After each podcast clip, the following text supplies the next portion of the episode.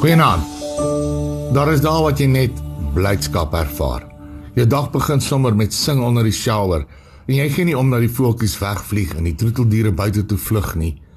Jy lag selfs as die koekies seep uit jou hande uitgly. Blydskap stimuleer jou ongeag omstandighede. Mooi gedagtes, herinneringe en beplannings oorweldig jou. Jy bid terwyl jy aantrek of ry en dink aan jou geliefdes. Jou omgewing word 'n gebed. Jou huismense, vriende, familie word deel van jou gesprek met die Here. Jou gebed word soos antibiotika of 'n B-kompleks boost.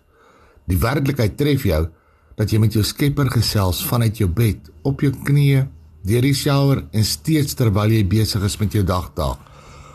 Opgewondenheid pak jou beet, want jy sien uit na die tuiskoms.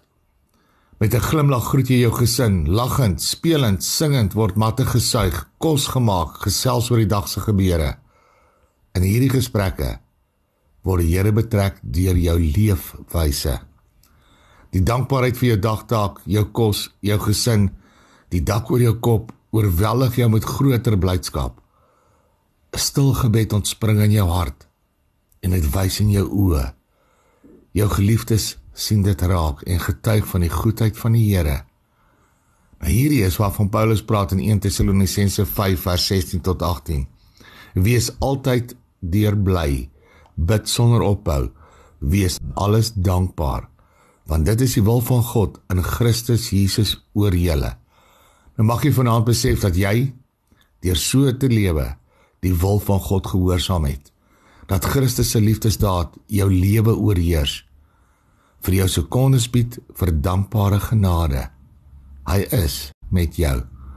Deur jou word so baie mense met geloof aangemoedig.